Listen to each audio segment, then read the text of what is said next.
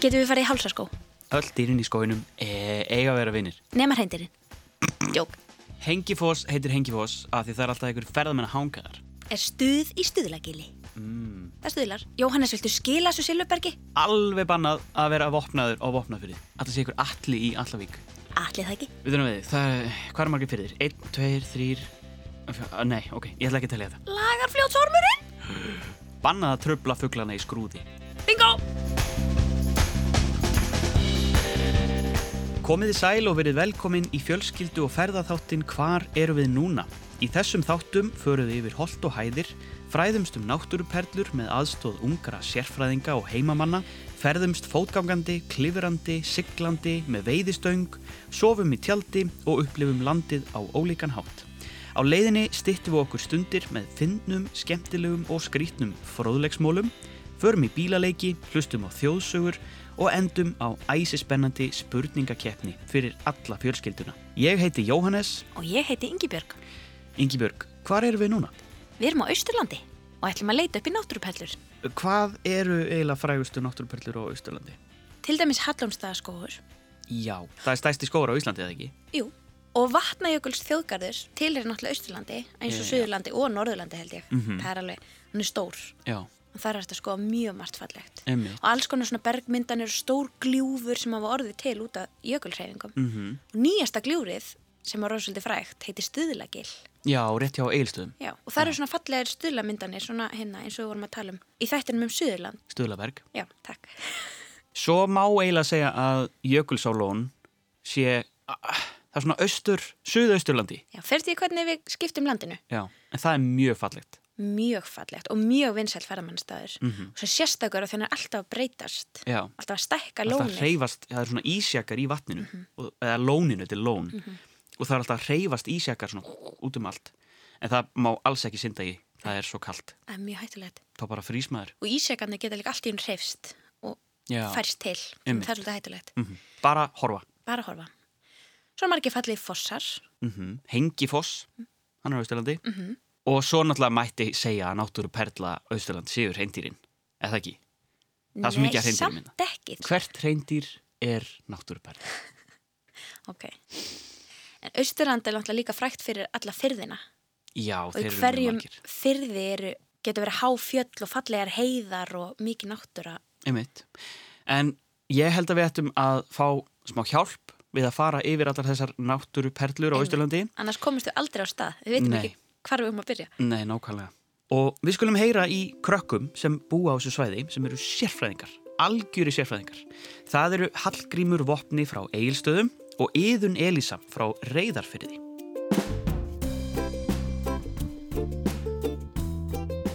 Hæ, ég heiti Hallgrim og og er frá Egilstöðum sem er á Austurlandi. Uppbúðals náttúruperla mín á Austurlandi er Hallandstaður vegna þess að það er fallegu skógur, mikið fuglalíf og skemmtilega gungaliði þar sem eru líka lækjar á nokkrum stöðum sem hægt er að sulla í.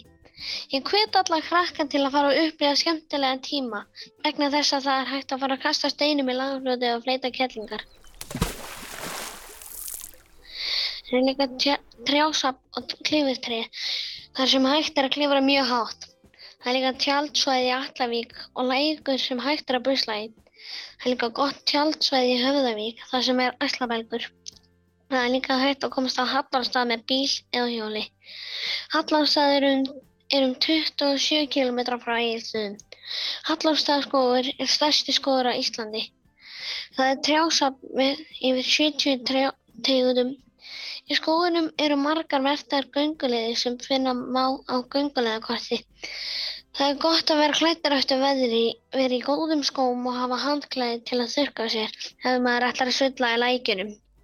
Það er gott að hafa með sér nesti og borða við sviði sem er neðst í trjásafninu.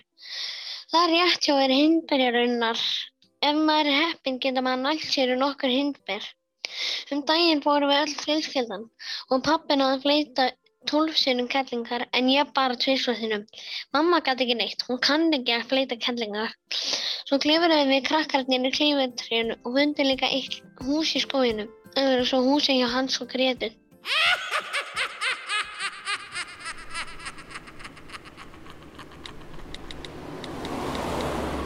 Vissir þú að reyndir? Hætt að tala um þessi reyndir. Ég elska reyndir! Ok. En vissið þú að reyndir voru flutt inn til Íslands frá Noregi? Ha? Já, fyrir meir en 200 árum síðan og þau eru bara á Austurlandi. Vissist þú að skrúður er friðuð fugglaeiga sem segir okkur að við megum ekki fara Já. byggja. Það er fugglanir eigana. Einmitt, við meðum ekki trubla þá. Nei. Og það er risastór hellir þar sem lundar verpa Já. inn í hellin. Þeir verpi í hólum, ekki reyðrum. Þessi er frekar stór. Já.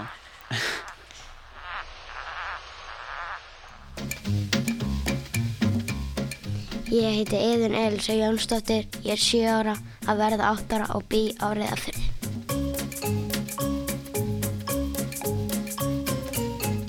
Helgustaðanáma. Ég ætla að segja ykkur frá Helgustaðanáma nálat Eskifyrði. Þar týndi mann Silfurberg sem er rosa faglega steinar og notuði alls konar tæki í gamla daga. Það liggur stígur upp að henni sem er svolítið betur en gangan er stutt og það er stránglega bannað að gefa stuð vegna þess að þetta er mjög skemmtilegt. Á einum stað fer maður yfir læk og fljótlega eftir það sjást glansandi steinar. Það er Silfurbergið. Stígurinn skiptist efst uppi. Ef maður fer neðrilegin að finna maður hegli en það er bannað að fara inn í að nema með leðsóknarhjálm en fer maður efri leiðina sem ég fyrir skemmtilega fer maður inn í gömlu námuna. Það rennur vatn yfir bergi og það er gaman að draka þótt maður blotnir svolítið. Þannig líka hægt að klefura en maður verður að passa sér mjög vel og passa líka að pappi fari ekki að klefura þarna því að þeir eru svo styrðir og geta dottið á rassinn. Og þá þarf að hugga þá. Og það hefur engin tíma til þess í helgustafan á mig leiklir bræður og leikla sýstur eru heldur ekki að klifra hana Eitt að lokum það er stránglega bannað að taka steinana vegna þess að staðurinn er vendaður og steinarnir sjálfgæður og dýrmætir. Kíkið í vasan hjá mömmu, pappa, bróður og sýstur áður en þið lappið niður. Þegar ég fór síðan skleindi við að skoða vasan hjá litla bróður og hann fugglar á Silvabergi og pappi þurfti að lappa upp aftur og skila þeim og koma svo aftur niður í bíl. En allavega ég mælu með helgustafan á mig nálaðt eskifyrði. Fjöruferð. Það er rosalega gaman að fara í fjöruferð á Östurlandi. Það er líka gaman að fara í fjörur á Suðurlandi, Vesturlandi og allstaðar. En ég fer oftast í fjöruferð með mömmu, pappa og leikla bráður á Östurlandi. Núna í morgun fór ég til dæmis í fjöruferð á Eskifjörð á staði sem heitir Mjóveri. Það er gamall bátur sem má leika sér í og fara í sjóræningaleik. Það er líka gulur og appisningulur viti sem er lítill og krótlegur. Í fjörunni fann ég krossfisk sem var stór og hann var lifandi. Hann hreyðist þegar maður potaði í hann og við settum hann aftur í sjón svo hann hengi nóg að drekka. Það eru margar skemmtilega fjörun álagt húsinu mínu og það þarf bara að taka með skóplur, fötur og stífjar. Ég mælu með því að krakkar klæði sér í vöðlur. Það eru svona páklabugsur með axlaböndum, pikk fastar við stífjar, þannig maður getur ekki blotnað. Í fjörunni er líka fullt af dýrum sem eru sætt. Ég séð fullt af fuglum og meira sér að sel sem vildi tala við hundir minn. Þeir eru nefnilega svo forvinnir. Einu sinni er ég aðstað með kríja en ég er búin að fyrirgefa henni. Enda var hún bara að passa segir sitt. Eða ég er næstum búin að fyrirgefa henni. Eða svo ég segja alveg satt, ég er ekki eins og byrjuð að fyrirgefa henni. Allavega ég mæli með því að þau taki með okkur næsti, til dæmis skýrskvísu, ávaxtaskvísu og alls konar gott. Pappi og mamma geta bara epli og græmiti. Takk fyrir mig og verið velkomin til Austurlands.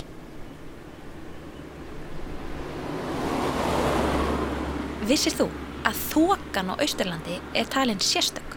Á litin þá. Nei, hún er sögð vera þéttari, dimmari og dularfyllri en annar staðar á landinu. Wow. Gott að vera með þokuljós. Já. Eða þóku lúður, bara. Og það er allir í þér. Já. Við þurfum eiginlega að stoppa hér og fá okkur nesti. Það er mjög fallegt hérna. Ertu með sólöfurn? Jói, Já. trúir þú á álfarsögur? Uh, já. Hér er ein frá þekktustu álfaborg á Íslandi. Borgarfyrður Eistri er frægur fyrir álfabyggð. Þar stendur mikill klettur sem heitir Álfaborg og er alveg friðaður. Það má ekki svo mikið sem hreyfa við steini Því þar er sagt að álvadrottning Íslands búi og að þar sé höfuð ból æðstu álva og höfðingja huldu fólks á Austurlandi og því eru margar álvasögur þaðan. Meðal annars þessi.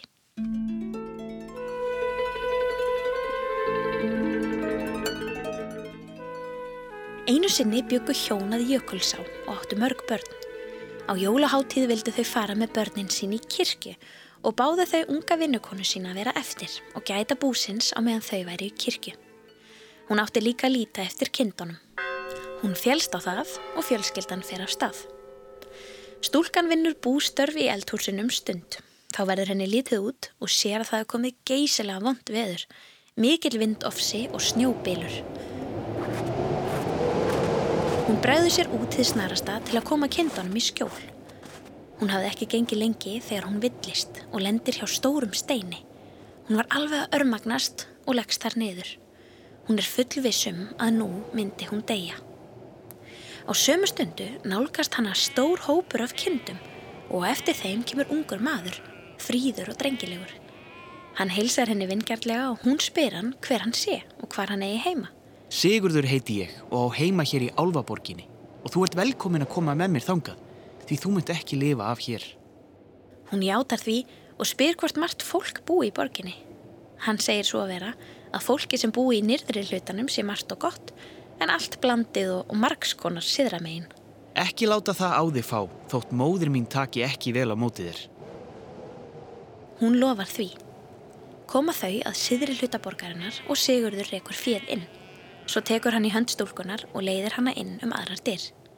Þau komað herbergi þar sem fyrir er kerling, móðir Sigurðar. Þau heilsa henni. Hún horfir ekki einu svoni á stúlkuna en segir þurrlega við són sinn. Hvar fannstu gersum í þessa?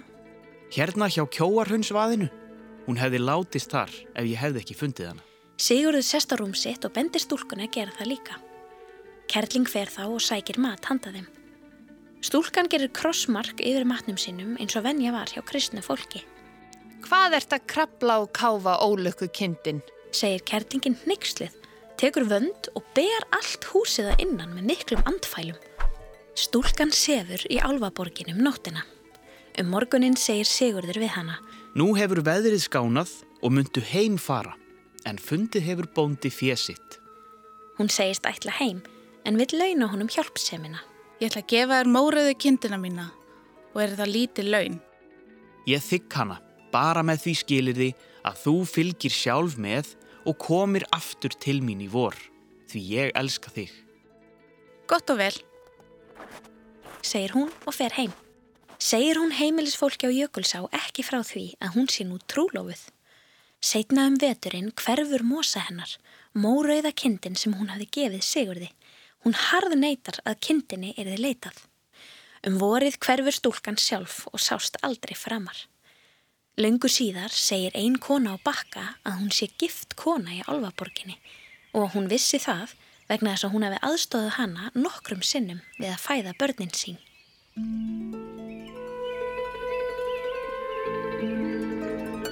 Fleiri yfirnáttúrulegar verur eru sagðar vernda austfyrði.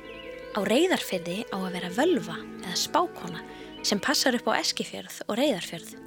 Hún á að hafa lifað þar í gamla daga og þegar hún dó skipaði hún fyrir um að hún erði grafin þar sem útsýni væri best yfir fjörðin og myndu eskifjörður og reyðarfjörður aldrei vera rændir frá sjó á meðan nokkurt bein í henni væri óbrotið. Hún var grafin upp á Hólmaborgum þar sem varða var reist skamt frá. Þangað er hægt að fara og skoða vörðuna og velta fyrir sér hvar bein völvunar eru grafin.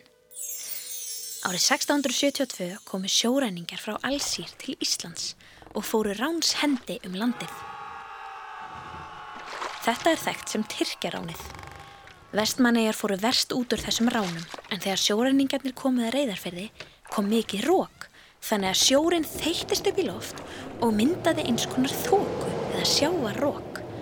Þeim síndist landið standa í ljósum lógum og þorðu ekki nær. Það er sagt að völvan hafi búið til þessa tálsín og þannig staðið við lofurðið sitt að vernda svæðið frá árásum af sjó.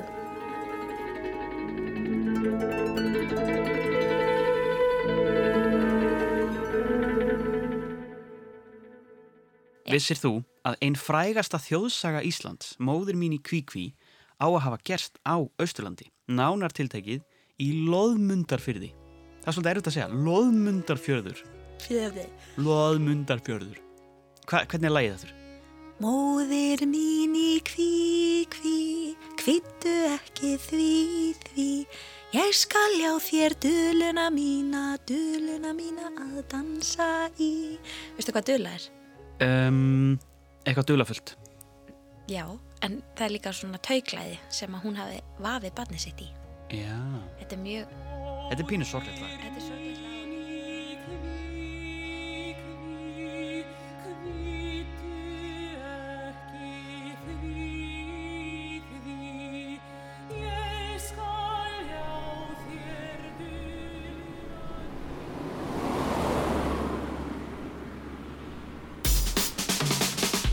Velkomin í spurningakeppnina Hver er með svarið?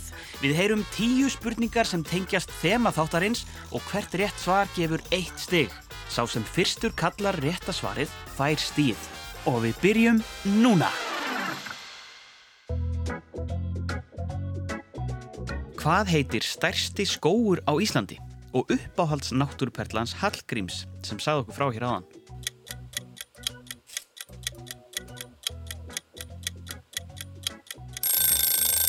Hallormstaðaskóur. Í Hallormstaðaskógi eru mjög mörg tré, örgulega óteljandi. En það er aðeins auðveldar að telja trjá tegundirnar sem þar vaksa. Hvað eru þær um byrj margar? Um 25, 45, 85 eða 105?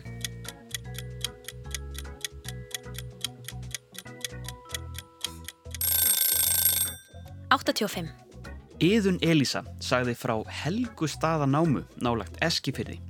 Þar týndu menn glansandi steintegund sem er vel þess virði að sjá eftir stutta en svolítið bratta fjallgöngu. Hvað heitir steintegundin?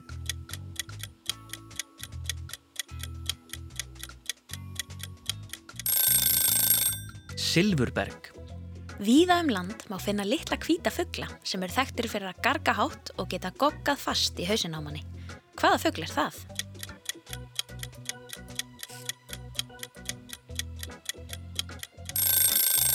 Kría. Hver er það sem verndar Eskifjörð og Reyðarfjörð samkvæmt þjóðsögunni sem við heyrðum hér áðan? Af þessu orði er til dæmis orðið tölva komið.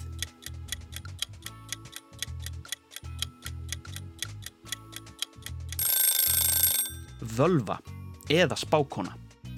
Eitt frægasta vatnaskrimsli sem finna má í íslenskum sögum er á Austurlandi og margir eru enn að leita því. Hvað heitir skrimslið?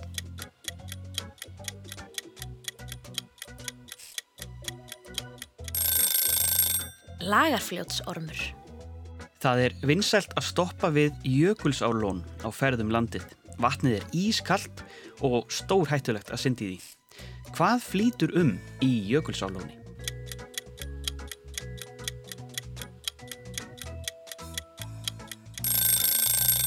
Ísjakar. Á Austurlandi er skóur sem heitir það sama og skóurinn í frægri sögu um ref, bánsafjölskyldu og klifurmús. Hvað heitir sá skóur?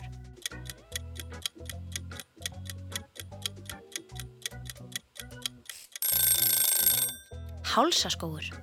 Á borgarfyrði Eistra er stór friðaður klettur. Sagan segir að þar búi álva drottning Íslands. Hvað heitir kletturinn?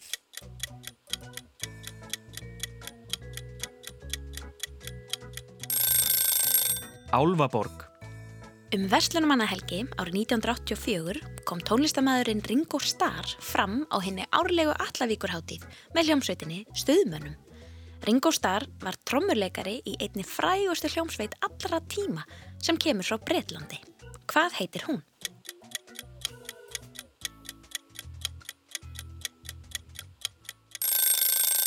Bítlarnir.